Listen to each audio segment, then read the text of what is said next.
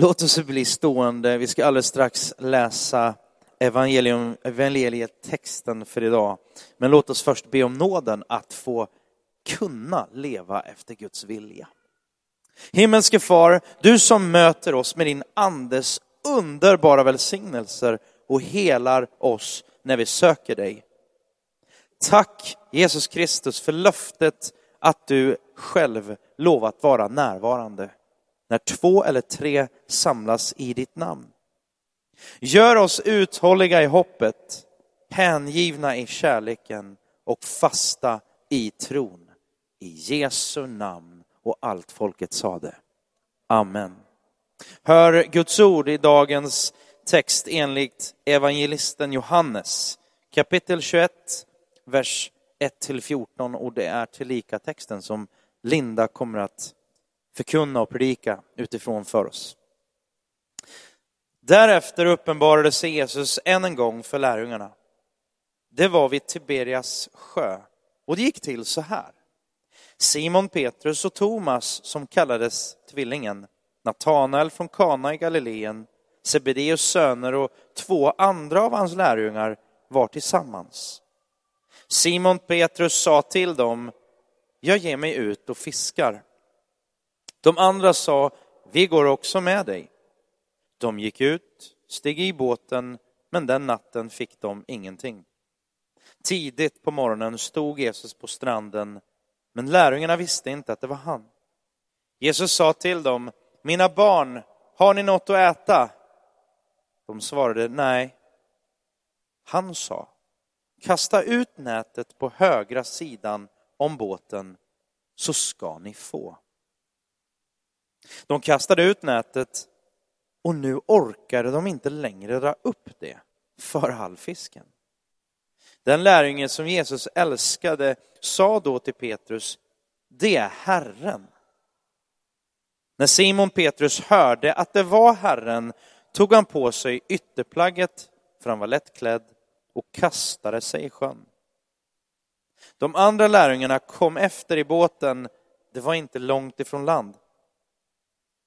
När de kom i land fick de se en glödhög och fisk som låg på den och bröd. Jesus sa till dem, bär hit av fisken som ni fått. Simon Petrus steg i båten och drog in nätet. Det var fullt av stora fiskar, 153 stycken. Och fastän de var så många gick nätet inte sönder. Jesus sa till dem, kom och ät. Ingen av lärjungarna vågade fråga honom vem han var. De förstod att det var Herren.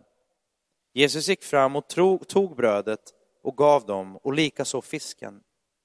Detta var tredje gången som Jesus uppenbarade sig för lärjungarna sedan han hade uppstått från de döda. Så lyder Herrens ord. Gud, vi tackar dig. Varsågoda och slå er ner.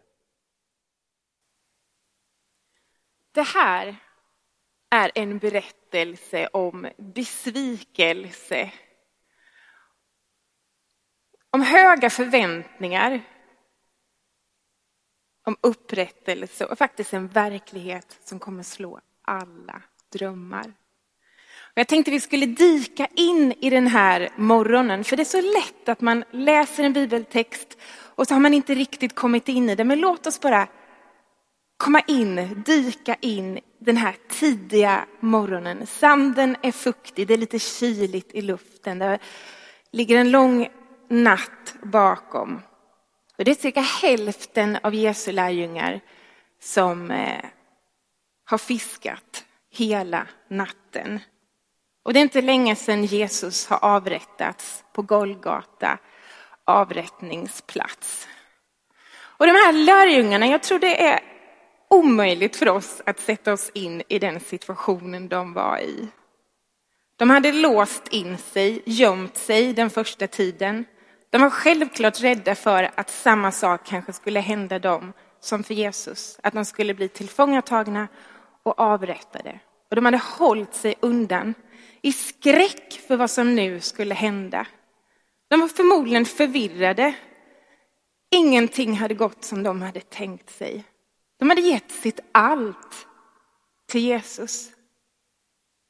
De hade till och med fått vara med och lägga händerna på människor som var svårt sjuka, som hade blivit friska. De hade fått se människor som var ansatta av plågoandar, som hade blivit helt befria det på en sekund. Och när man har varit med om något sånt, då är man förändrad för alltid. Och de hade sett fram emot den här nya tiden när Jesus, Messias, skulle komma och bli en fysisk kung och rädda Israel från den romerska ockupationsmakten.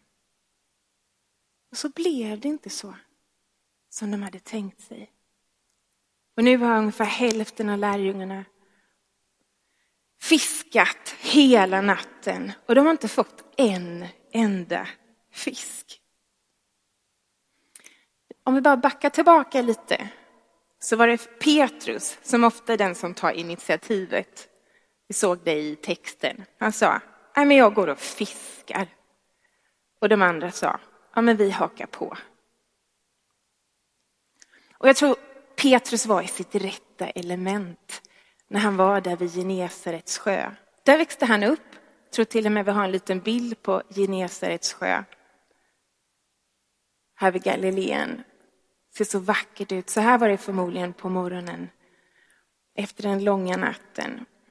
Och Petrus, som vi läser om, han var ganska ivrig man, men fick ganska mycket gjort. Men jag kan tänka mig att han hade lärt sig att älska den här platsen. När det var mycket som han behövde fundera på, utmaningar som han stod inför, så tror jag att han älskar att sätta sin båt, åka ut där, bara vara stilla och fundera så att tankarna klarnade. Och det kanske var det han gjorde nu också, den här natten.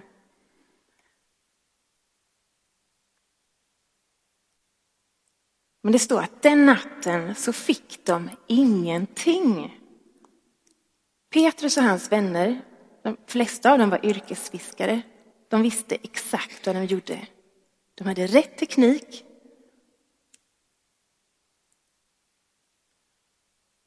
De tog god tid på sig, de var ute hela natten. Och ändå fick de inget resultat. Och då plötsligt så ropar någon från stranden. Det står att det är ungefär hundratalet meter bort. Mina barn, har ni något att äta? Nej. Kasta ut nätet på andra sidan så får ni resultat. Jag vet inte hur många här som är yrkesfiskare. Nej, inte jag heller. Är du yrkesfiskare? Är du fiskare? Nej. Det var bara kompisen som tog fel där. Men det kan jag ju säga att jag förstår ju ändå att det inte är speciellt logiskt om man har kastat ut nätet en hel natt.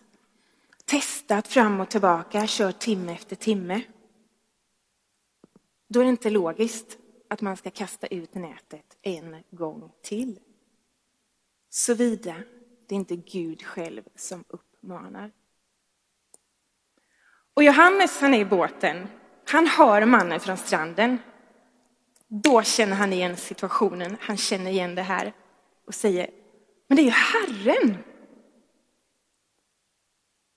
Och de kastar ut nätet och nu orkade de inte längre dra upp nätet för det var så fullt av fisk. Det står att det var 153 fiskar, stora feta fiskar. De knappt fick upp det.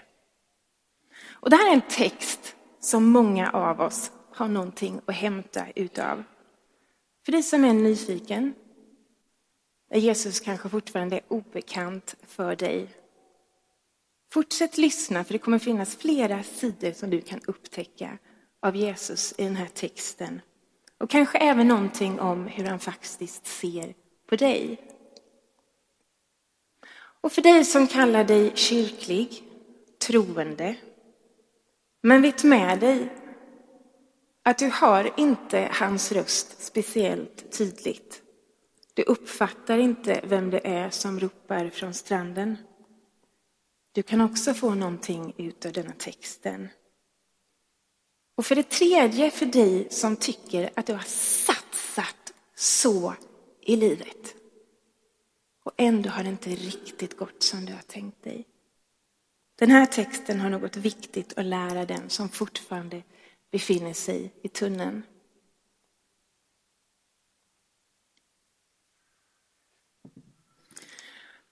Och vi lever i intensiva tider. Jag jobbar mycket dagtid med kommunikation. Det är mycket intensiv kommunikation. Vi lever i ett ständigt brus.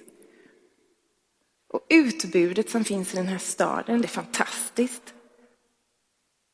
Men det finns så mycket att göra. Vad ska man välja av allt? Hur ska man prioritera? Vad ska man sortera? Livet är kort. Dagarna som går, det är det som är livet.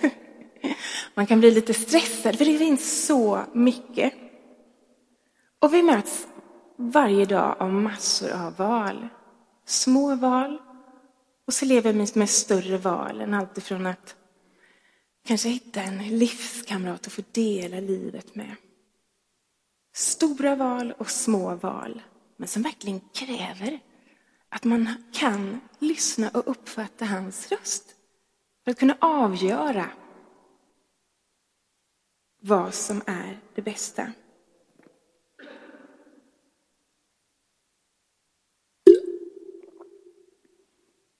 Jag tänkte säga någonting om det här med att vara ledd och vara driven. För Jesus, han vill leda sitt folk. Och det finns ett sånt driv där vi måste driva på hela tiden av allt som händer i vardagen. Men det finns en möjlighet att kunna vara ledd i vardagen. Där vi kallade som troende att inte bara driva på, utan vi kallade vara ledda. Så vi har möjlighet att prioritera vad som är det viktigaste, kunna sortera i vår vardag vad vi ska lägga tid på. Och älska Jesus, han, han talade så att folk begrep vad han sa. Och han använde sig av ehm, bilder som var helt rätt i tiden. Och den här kan ju anses lite mossig idag, 2018, men det här var helt rätt i tiden när han, när han talade om sig själv som en herde för fåren. Och då sa han, mina får, de lyssnar till min röst. Och jag känner dem och de följer mig. Det fanns en kommunikation som fungerade där. Han talade och fåren förstod och kunde uppfatta hans röst. Och det här med att uppfatta Herrens röst. Eh, jag tänkte bara nämna lite av min personliga erfarenhet av att höra hans röst. Genom Bibeln är det ju det är ett naturligt sätt för Gud att tala till dig och mig genom hans ord. Och jag minns själv när jag började upptäcka Bibeln och hur det blev så levande för mig att jag bara, äh, men jag måste ha en anteckningsbok, jag måste ha en penna, jag måste sitta och skriva. För det här finns så mycket som jag kan hämta utav. Och det är jag väldigt glad över att jag får ha sådana långa perioder i mitt liv. Eh, där jag får ut mycket av att läsa Bibeln när det blir personligt tilltal även för mig. Att höra hans röst genom predikan, det är också ett sätt när alltså det förkunnade ordet, om det är evangeliet som förkunnas, om det är Kristus som förkunnas, så är det ett naturligt sätt för Gud att tala till sitt folk, att tala till oss. Och även i bönen är det också ett naturligt sätt för Gud att tala. Han älskar att vägleda oss för andras skull och för vår egen skull. Och jag tänker på Martin Tunhav, du eh, delade ditt vittne, del, liten del av ditt vittnesbörd förra veckan här i Sankta Clara kyrka. Där du beskrev hur du eh, som musiker också har en, eh, att det är, ett, det är ett naturligt sätt för dig utifrån att du har musiken så starkt i ditt liv, att du kommunicerar med Gud och han kommunicerar med dig alltså genom toner och med musik. Och för mig som skribent eh, så älskar jag att eh, skriva och jag märker det hur Gud också talar till mig när jag använder den begåvningen. Att jag kan uppfatta vad Gud alltså, vill säga till mig genom, genom det. Så, och ett annat sätt som jag ville också nämna eh, det är genom andra troende. Att vi kan tala in i varandras liv. Och det bygger självklart på att vi har en förmåga att eh, kunna uppfatta vad Herren säger. Så vi kan hjälpa varandra i svåra tider men också i goda tider. Och det finns många andra sätt. Det profetiska ordet, drömmar och så vidare. Men jag stannar där. Och samvetet, det ser jag som en rest som Gud har lagt ner utifrån att vi människan är Guds avbild. Men när vi blir troende och får ta emot trons gåva, då får vi också ta emot den helige Ande. Och han ger oss en sån inre kompass och kunna veta ännu mer vad som är det bästa för oss. Jag tänkte bara, är det okej okay att jag nämner några speciella exempel, några tillfällen? Ja, nu hade ni sagt nej så hade jag ju tyvärr, idag får jag ju bestämma så jag tar vara på det. Men Gud älskar ju att tala till oss så att vi kan hålla oss nära honom. Och jag minns ett exempel, Daniel och jag, vi var i Dalarna och firade semester. Och då träffade jag på en vän som jag inte hade sett på 10-15 år. Och då sa hon, Linda, kommer du ihåg det där brevet du skrev till mig för ungefär 20 år sedan? Och jag kom faktiskt ihåg det där brevet. För det var en liten kreativ berättelse som jag upplevde faktiskt från himlen att jag skulle skriva till henne när jag beskrev lite av Guds kärlek till henne från himlen. Och hon sa, det där brevet som du skrev, det har jag läst så många gånger. Om och om igen. Och tänk om jag inte hade agerat på det där. Vadå skriva ett litet brev? Vad kan det göra för skillnad? Det hade hon haft med sig i 17 års tid.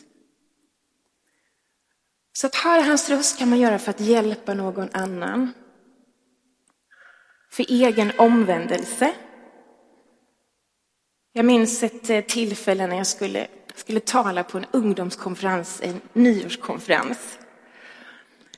Och sen på eftermiddagen när jag håller på att förbereda mig det sista så får jag en liten påminnelse från ovan att upp, upp, upp, upp, vänta lite nu. Det här, Linda, har ju inte du dealat med själv riktigt.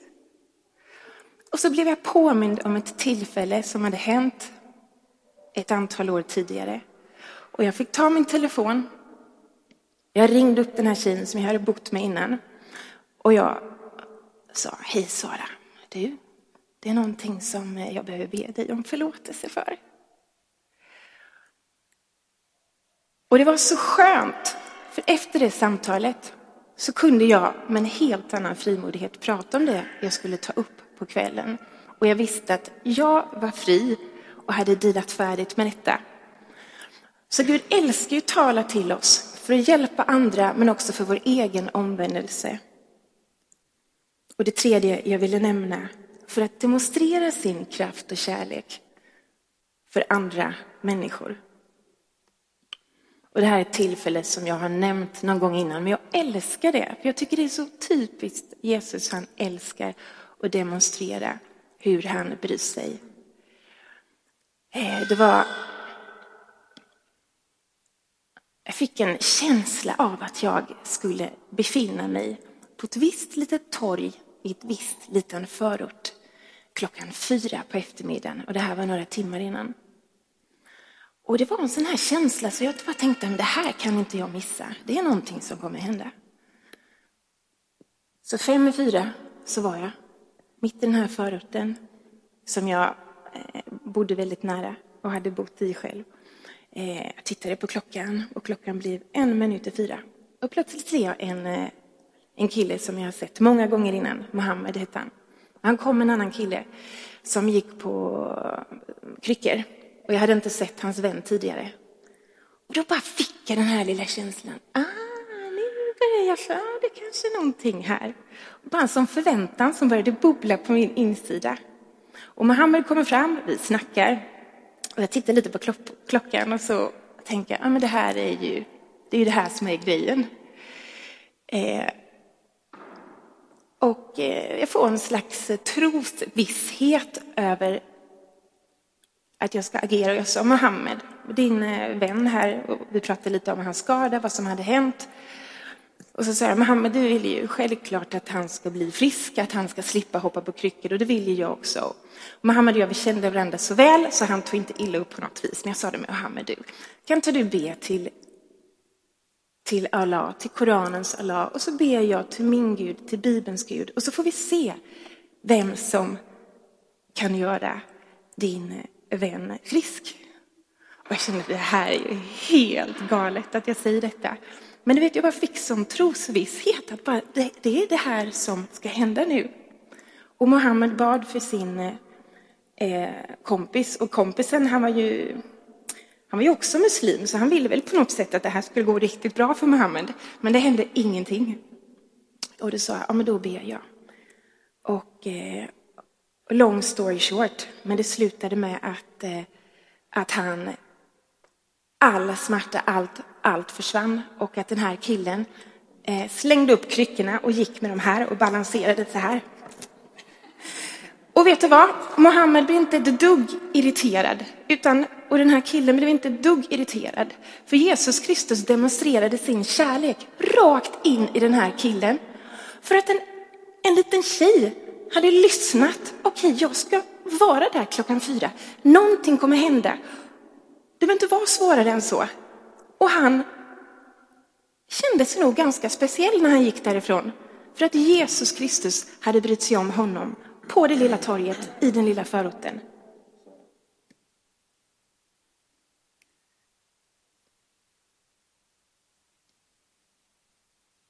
Karin Dernulf skrev i en krönika i Dagen. Hur lär vi då känna Jesu röst? Jo, det handlar just om detta, att leva sitt liv i hans närhet. Om månaderna brukar jag ofta börja med en bön där jag bjuder in honom i min dag. På ett sätt kanske man kan tänka att den bönen är onödig. Det förändrar ju inte hans närvaro. Han är ju ständigt hos mig. Men i bönen blir jag också närvarande hos honom. Plötsligt öppnar jag mig för en våglängd som gör att jag kan förnimma hans röst i dagens händelser. Och när Johannes hör orden från mannen där borta på stranden och säger det är ju Herren, så är det faktiskt inte Johannes som hoppar först i. Vem är det? Det var Petrus. När Petrus fattar att det är Jesus som står borta på stranden, då bara kastar han sig i vattnet simmar det fortaste han kan. Hans reaktion är bara att omedelbart bara släppa allt vid händerna.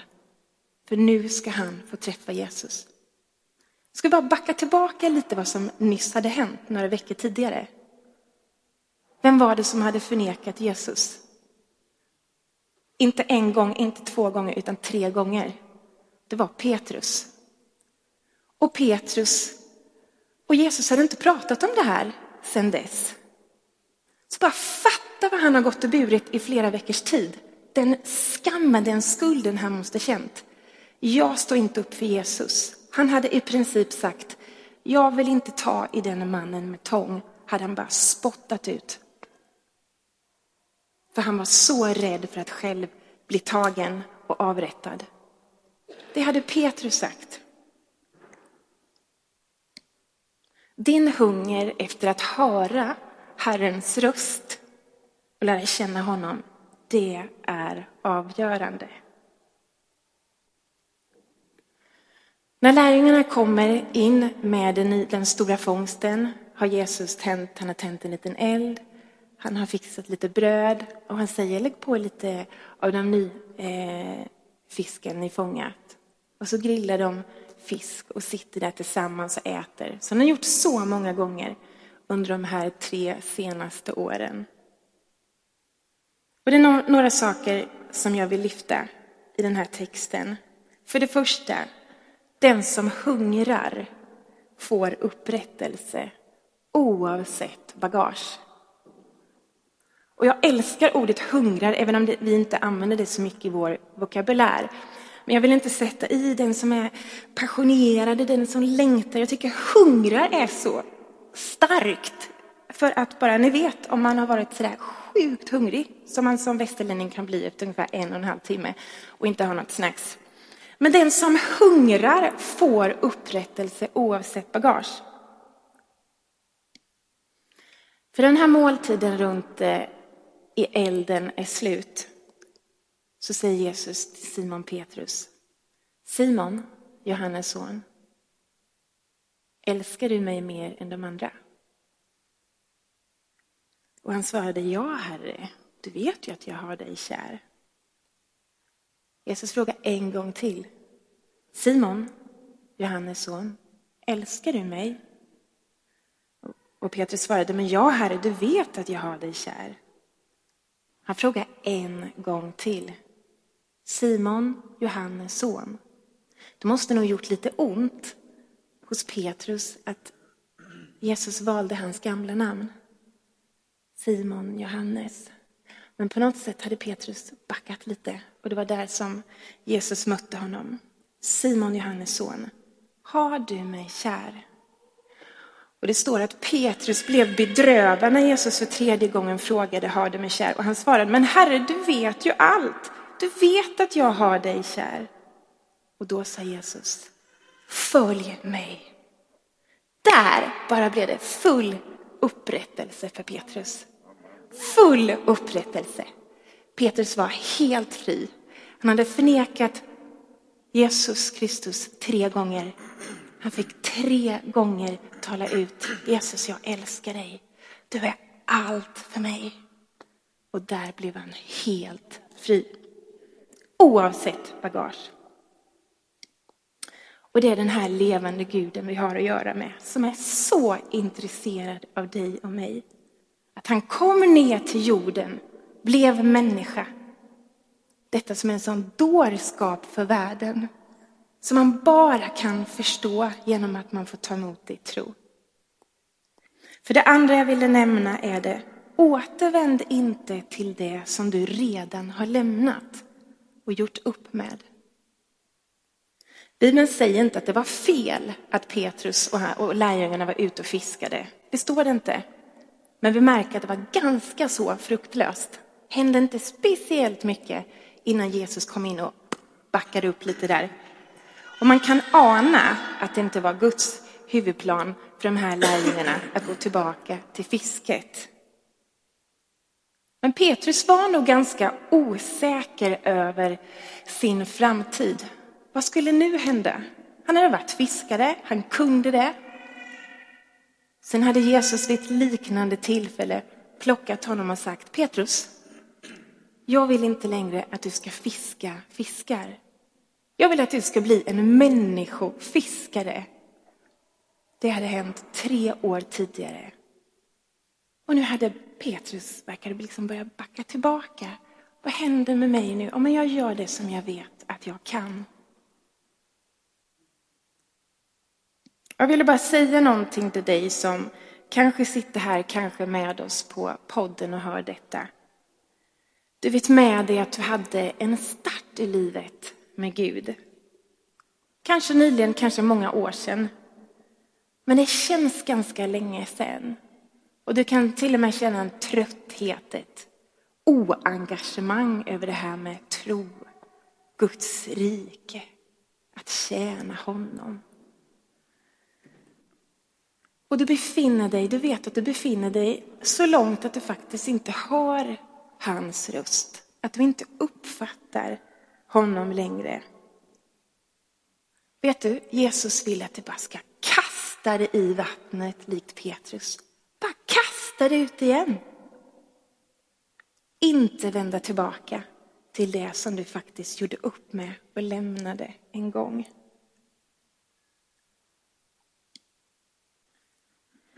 Jag vill säga någonting också om skillnaden på tvivel och otro. För Hebreerbrevet 11 och 6 säger att det är omöjligt att behaga Gud om man inte tror. Och då kan man tycka, att det där var väl lite hårt sagt. Men tro här handlar inte om en prestation, om någonting som jag bara säger, ah.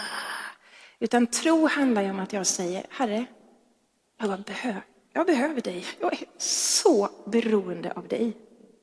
Tro handlar om att jag bara ställer mig och lever på ett sätt som gör att jag klarar inte att leva om inte Gud bär. Det är tro. Och där vill han att du och jag ska vara. Tvivel, jag tror inte man ska vara rädd för det. Det handlar inte om otro. Och vi kan ha perioder när vi inte känner oss, vi inte har övertygelsen. För Hebreerbrevet säger också att tron är en övertygelse, det är grunden för det vi hoppas på. Det är en visshet om det vi inte ser.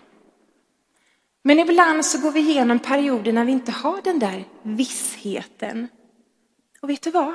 Man behöver inte bli så orolig då. Man kan vara trofast ändå.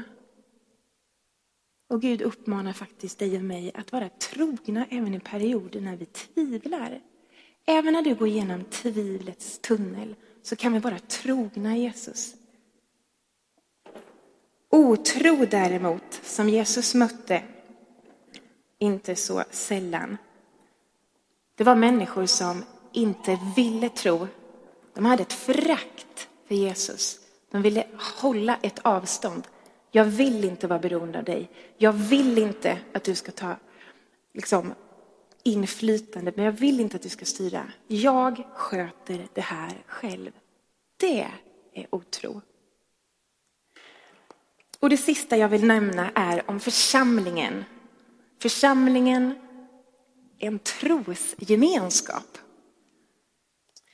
Den här berättelsen som vi har tittat på idag, det är en berättelse som handlar om tro, handlar om att hålla sig nära Jesus.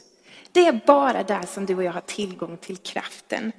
För det kristna livet, det är inte kraftlöst. Det kristna livet är inte kraftlöst. Det är kraftfullt. Det betyder inte att du och jag har det enkelt varje gång. Verkligen inte. Men livet utan Jesus är inte heller speciellt enkelt varje dag heller. Men Gud vill och har valt att verka i oss och genom oss som församling. Och därför är det så avgörande att varje kyrka och varje församling är genomsyrad av tro. Och jag tycker att eh, ni som församling kan förvänta er av oss som pastorer och ledare att vi vårdar vår tro, att jag tar hand om min tro och gör vad jag kan för att växa den det behöver ni av mig, att inte jag... Ja. Det kan ju kännas ganska självklart på ett vis. Men vet du vad? Det behöver vi av varandra. Vi behöver att vi alla vårdar vår tro. För Herren säger, jag, jag har valt att ta min boning bland er och jag behagas av när ni har tro. Jag behagas av att ni ställer ert beroende av mig.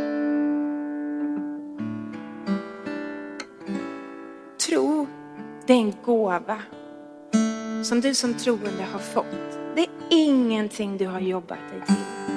Det är en gåva som du har fått ta emot genom nåd. Och den ska du ta hand om, du ska vårda den, du ska aktivt arbeta på att lära känna hans röst. Läs Bibeln, be, var tillsammans, kom på gudstjänsterna. Nurture it, som man säger på engelska. Vårda den.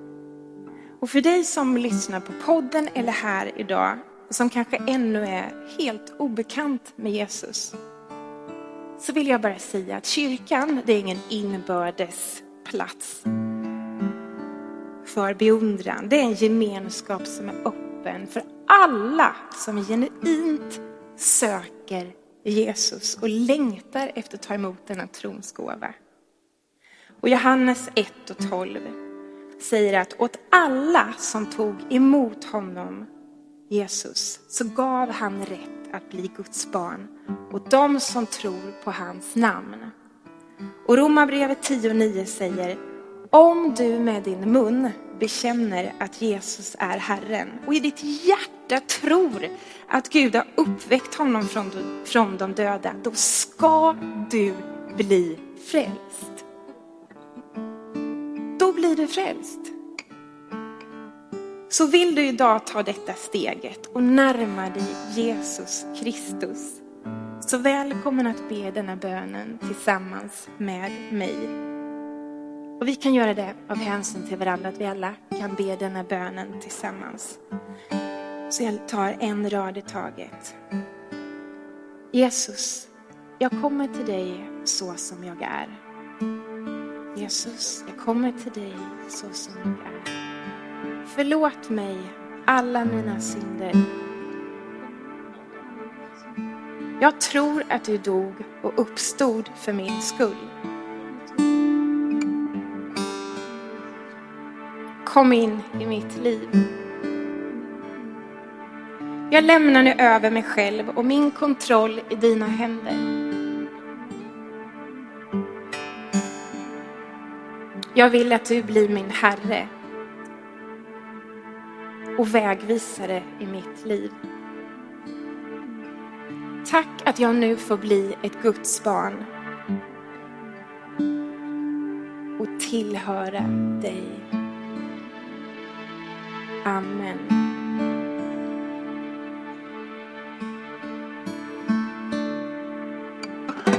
Ta två rader till. Tack att jag nu får ta emot det eviga livet. Fyll mig med din helige Ande.